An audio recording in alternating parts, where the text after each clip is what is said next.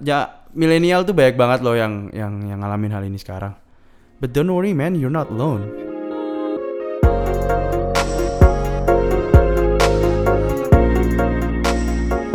Hi everyone, welcome back to PSK pada suatu ketika season 1 episode 13 Dan sekarang lo lagi dengerin gue, host lu, Andrea Sinata Lagi pingin bicara tentang quarter life crisis. Jadi bagi lu yang pertama kali hadir di sini Gue mau ngucapin welcome, di sini gue bakal share cerita gue Terus gue bakal kasih tau opini gue terhadap cerita tersebut. Dan sebelum kita mulai, please follow Instagram gue.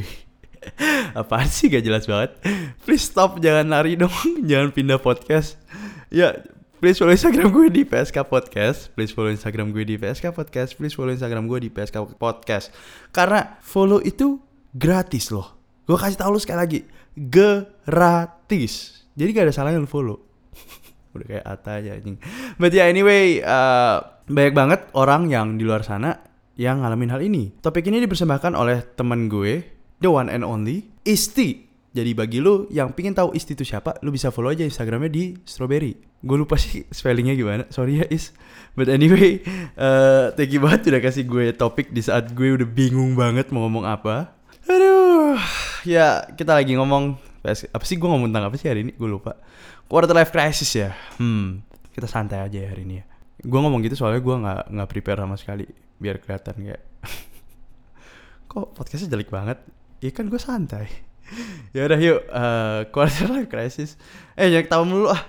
Oke okay, uh, based on Wikipedia ya dia bilang ada seorang clinical psychologist namanya Alex Folk uh, as a period of insecurity doubt and disappointment surrounding your career relationships and financial situation. Jadi bagi lo yang lagi ngerasa ini lagi ngerasa oh my god gue insecure banget nih sama hidup gue gue insecure banget sama apaan ya? Orang-orang sekitar gue apakah uh, cewek gue atau cowok gue itu adalah pilihan hidup gue for the rest of my life? Gue nggak tahu. Apakah karir gue itu adalah passion gue gue nggak tahu. Apakah gue bakal tajir di kehidupan yang akan datang? Bener gak sih kehidupan yang akan datang? Gue juga nggak tahu. Nah kalau lu kepikiran hal ini lu ada di quarter life crisis mungkin hal-hal lain tuh kayak lu tiba-tiba lagi dengerin lagu. Gue dulu waktu quarter life crisis itu dengerin lagunya hi-fi gitu kan. Gak nyambung gue nggak ada cewek gue nggak ada cewek yang gue galauin gue bisa sedih. Itu tuh lu quarter life crisis di situ. Jadi kita masuk aja ya. Cerita gue gimana di quarter life crisis ini dan gue nggak mau lu terjerumus di situasi yang sama sama gue. Apa sih? Ya gue gue lagi semangat banget.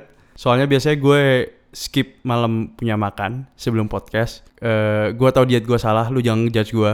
Dan sekarang gue makan malam. Tenang guys. Makanya gue semangat lagi kayak podcast-podcast episode awal. Oke, oke, oke, oke. Pada suatu ketika, pada suatu ketika gue waktu itu lagi mau lulus ya.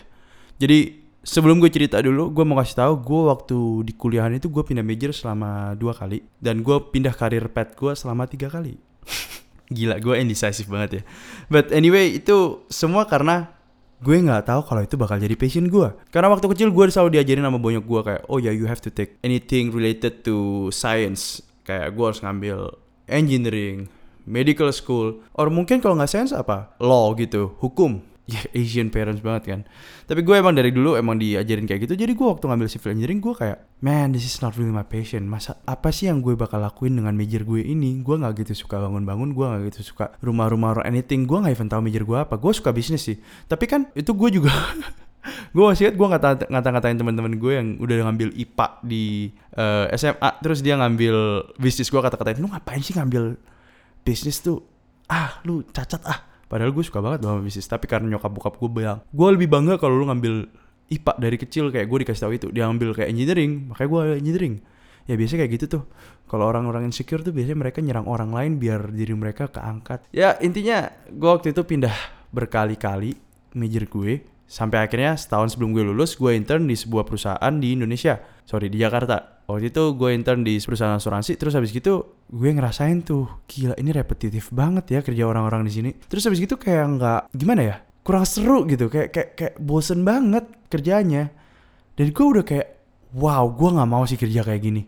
Harus pakai baju rapi tiap hari terus lu kayak meeting meeting meeting meeting proyek proyek proyek terus kayak lu depan komputer. Oh my god gue nggak suka banget. Terus akhirnya sebelum gue uh, lulus temen gue kasih tau gue oh lu belajar aja coding. Karena dengan lu coding lu bisa kalau lu jadi kayak web developer gitu gaji lu bakal lebih gede dan kerja lebih nggak bosan well that's true though. Terus waktu itu gue pindah gue ambil bootcamp gitu terus gue akhirnya kerja di coba cari karir path gue ke web development. Jadi itu gue lumayan bingung sih jujur aja. Kayak aduh ini bukan passion gue itu bukan passion gue dan waktu gue ngambil web development pun gue ngerasa kayak gue suka banget. Obviously gue lebih suka dari waktu gue ngambil civil engineering terus gue pindah electrical terus gue pindah actuary. Waktu gue coba web development gue jauh lebih suka sih. Gue suka banget sama tech. But then again, apakah gue mau ngelakuin hal ini for the rest of my life? Ya pertanyaan itu tuh sangat normal sih ya kayak apalagi di anak muda zaman sekarang. Ini bukan passion gue, padahal lu nggak pernah coba.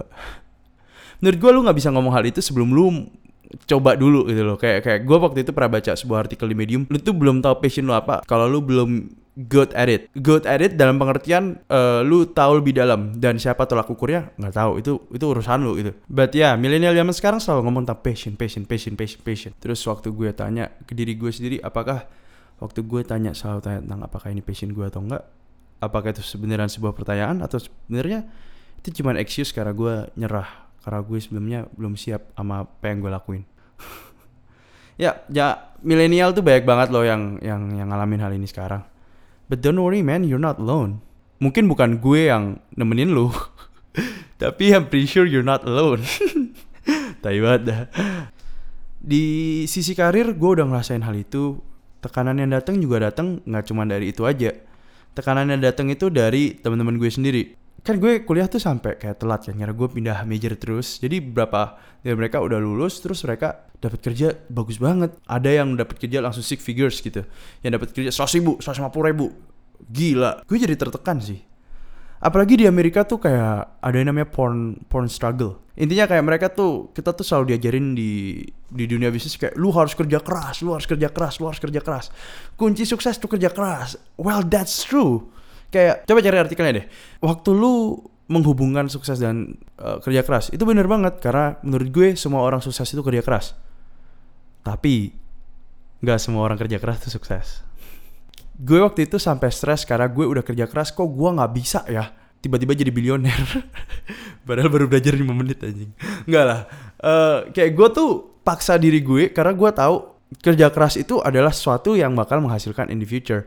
Tapi gue ngelakuin itu dari bukan lebih ke arah enjoy tapi ke arah kepaksa gitu. Kayak gue pikiran gue kosong tapi gue terpaksa hidup gue gitu. Gue paksa waktu itu sampai oh orang-orang sukses itu tidur kayak sekitar empat setengah jam tuh six hours. Gue paksa ngelakuin hal itu gitu. dan gue nggak efektif sama sekali. Karena gue selalu percaya kalau gue semakin sakit semakin hancur semakin uh, kasih dedikasi hidup gue ke hal ini ke anything that I do gue bakal sukses. Ya ternyata gak sesuai ekspektasi kan kadang kan. Dan di situ disappointment muncul. Di situ saat lu mulai meragukan diri lu sendiri apakah gue emang gak bisa? Ya itu lu mulai pindah-pindah major. Teman-teman lu udah achieve banyak hal jauh lebih banyak daripada lu yang pikirin detik itu. Kayak kayak waktu itu gue pikirin kayak oh my god gue achieve nothing. Gue resume gue kosong gitu. Gue nggak pernah nyadar kalau sebenarnya semua teman gue yang sukses itu waktu mereka mulai resumenya juga kosong. Gue selalu nyadar resume mereka tiba-tiba langsung full gitu gue tahu resume mereka dari awal kosong tapi gue nggak gimana ya gue nggak bisa accept the fact that kayak gue setara sama mereka. Padahal menurut gue semua orang sama semua orang makan nasi dan dan orang-orang yang di quarter life crisis ini mereka menjatuhkan diri mereka karena sebuah kegagalan. Menurut gue nggak sebuah kegagalan sih pasti itu multiple failures yang kejadi hidup mereka mulai mereka mulai kepukul dan mereka mulai kayak bingung sama diri mereka sendiri. Dan yes itu lo di situasi yang sangat berat menurut gue karena gue sendiri jujur sering banget gue kena panic attack sih. Kayak tiba-tiba gue sesak napas kayak oh my god apa sih yang selanjutnya?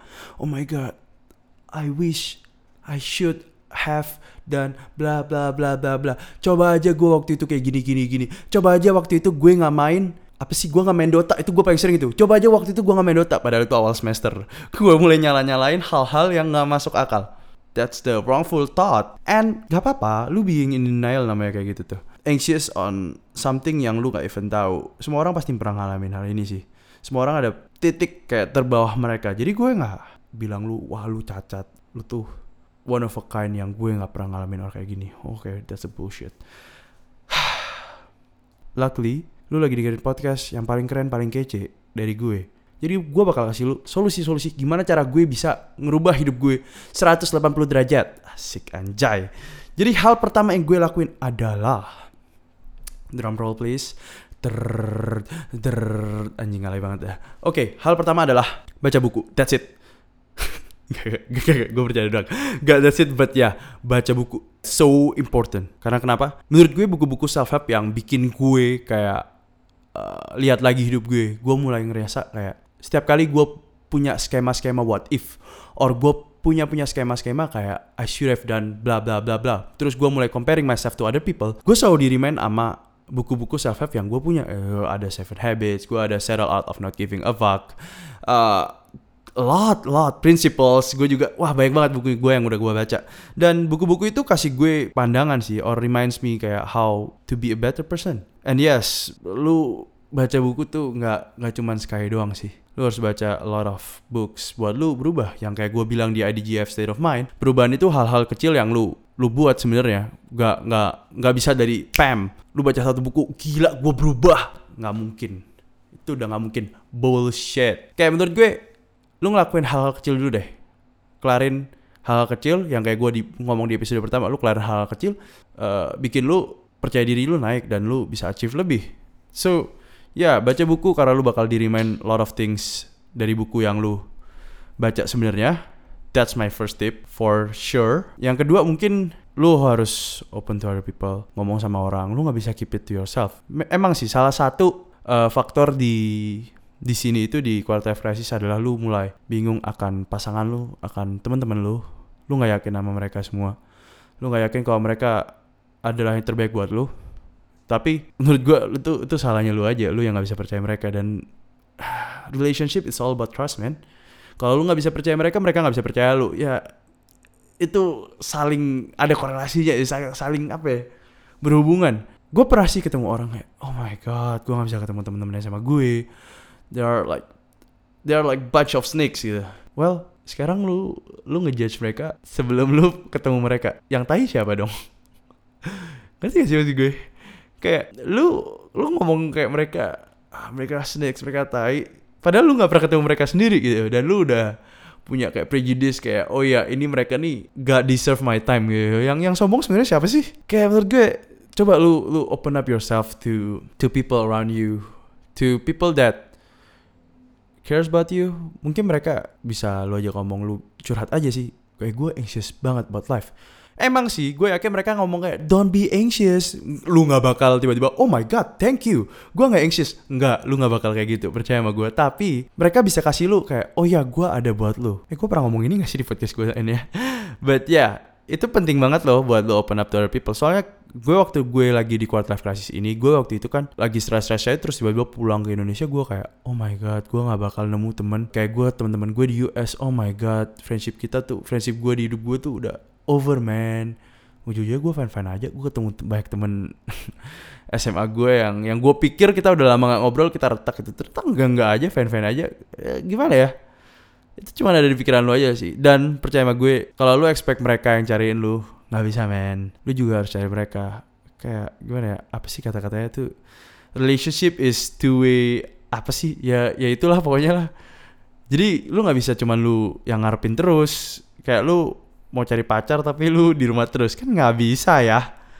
Aduh that's the second tip and like the third tip will be stop comparing and expect too much I guess.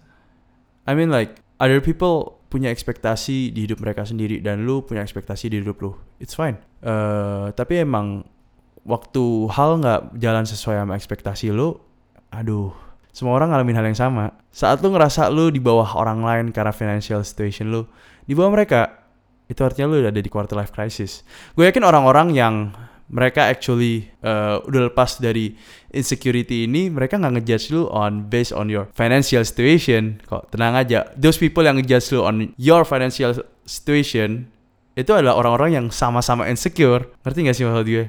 Kalau mereka udah secure mah mereka don't give a damn man dan percaya gue, lu lu nya aja sih yang ngerasa kayak ah duh gue kalau dilihat orang tuh orang udah achieve ini gue kayak gini aduh kalau gue ketemu gimana gue gue ketemu A gue ketemu B. Lu kegayaran tai. Itu cuman pesan gue dulu gue sempat nanya sih apakah dengan gue accept uh, accept my disappointment itu semua kecewaan gue gue accept itu apakah gue artinya gue nyerah? Enggak juga. Karena waktu lu gagal lu sebenarnya kayak belajar dari situ loh. Lu belajar saat lu ah gue nggak nggak sesuai ekspektasi gue yang ada lu belajar untuk lu accept itu dan lu moving forward aja. Pasti ada value yang lu pelajarin kok dari every mistake that you make. Itu tandanya lu udah belajar dari kesalahan-kesalahan yang lu buat. Coba misal lu nunggu jadi cewek atau lu have crush on cowok terus tiba-tiba gak sesuai ekspektasi lu terus lu accept aja gitu. Instead of lu kata-katain uh, cewek atau cowok ini kayak tai lah dia segala macam A sampai Z semua kata-kata hewan dikeluarin semua. Itu ternyata lu belum terima. Intinya lu belum terima adalah ya lu masih dalam situasi lu di bawah. Saat lu udah terima hal itu dan lu bisa lanjut ke kehidupan lu berikutnya lu udah nggak pikirin itu semua oh mungkin dia emang bukan buat gue itu tandanya lu udah malah naik ke atas. Jadi jangan takut buat lu accept semua failures that you have. Soalnya lu bakal tumbuh kok dari situ. Jadi uh, ya kalau lu masih ngerasa stres tentang quarter life crisis ini coba deh semuanya itu bukan dari orang lain. Variabel terutama yang ngaruh di hidup lu itu bukan orang-orang sekitar lu tapi lu sendiri. So yeah try to change yourself try to change your habit maybe. And I'm pretty sure hidup lu bakal berubah in the future. I've been through that phase and yeah it's messed up. But yeah totally hit me up kalau lu emang butuh orang buat uh, curhat. Karena gue tahu perasaan itu. So that's it guys for today's podcast. Gue gak bisa nyalain milenial ya, soalnya milenial sekarang tuh susah banget, media banyak banget yang influence mereka. Wow, anak umur segini udah bisa jadi bilioner. Atau mungkin kayak, tinggalin semua kerjaan lu, buang semua, lu travel ke Bali, Hawaii, uh, Thailand, mana aja itu, gue gak tahu. Tapi emang hal-hal kayak gini sih media bikin milenial-milenial selalu bertanya, apakah hidup mereka itu udah cukup atau enggak? Kasihan juga ya. Kasihan juga, gue juga milenial sih.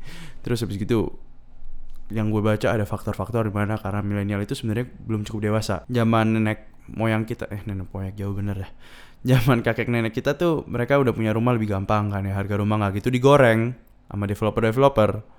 Terus udah gitu mereka habis lulus mereka nggak lulus ya mungkin habis SMA mereka langsung kerja langsung tinggalin keluarganya bikin keluarga baru nikah gitu.